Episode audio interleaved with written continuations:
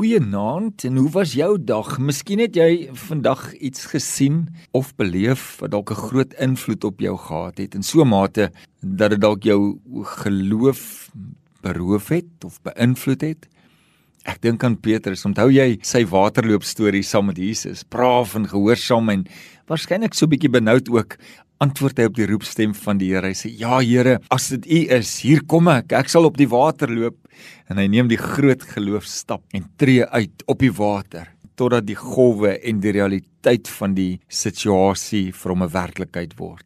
En dit is nie baie anders as die manier waarop ons elke dag die lewe leef nie. Ons is ook mos maar net mens. Ja, ek glo, ja, ek vertrou, totdat die realiteit my tref en dan wonder ek is daar nie dalk 'n plan B of C en dan vergeet ek vir 'n oomblik dat Jesus hier reg voor my op die water staan gereed om my hand te neem terwyl ek sink in my omstandighede.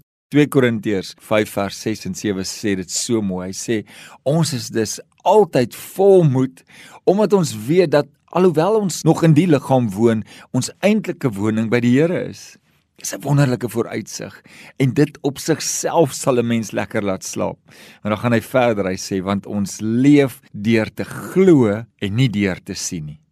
Dis nogal 'n moeilike een want hoe dikwels ervaar en beleef ons onsekerheid, ongeloof, daardie alleenheid of bietjie angs en soms is daar sulke groot keuses in die lewe wat ons moet maak en watter een is nou eintlik die regte ene? En as ons heeltemal hier vashaak, is dit juis omrede ons so op ons eie gebrekkige insig wil staat maak en nie ten volle op die Here vertrou nie. Salomo het gesê is beter om nie eens op jou eie insig staat te maak ongeag jou omstandighede.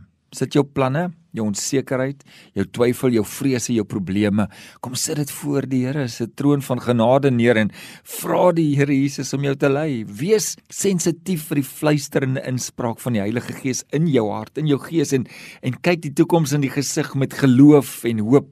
Jy kan verseker en gerus wees. Die lewende Christus staan by jou. Hy sal jou lei.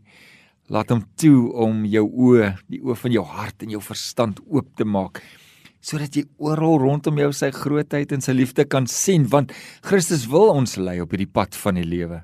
David Livingstone het gesê sonder God nie 'n enkele tree nie, saam met hom tot aan die uithoeke van die wêreld. En ons 'n mooi skrif 2 Kronieke 16 vers 9 sê die oë van die Here deurloop die aarde op soek na diegene wie se hart onverdeeld op hom gerig is om hulle met krag aan te doen.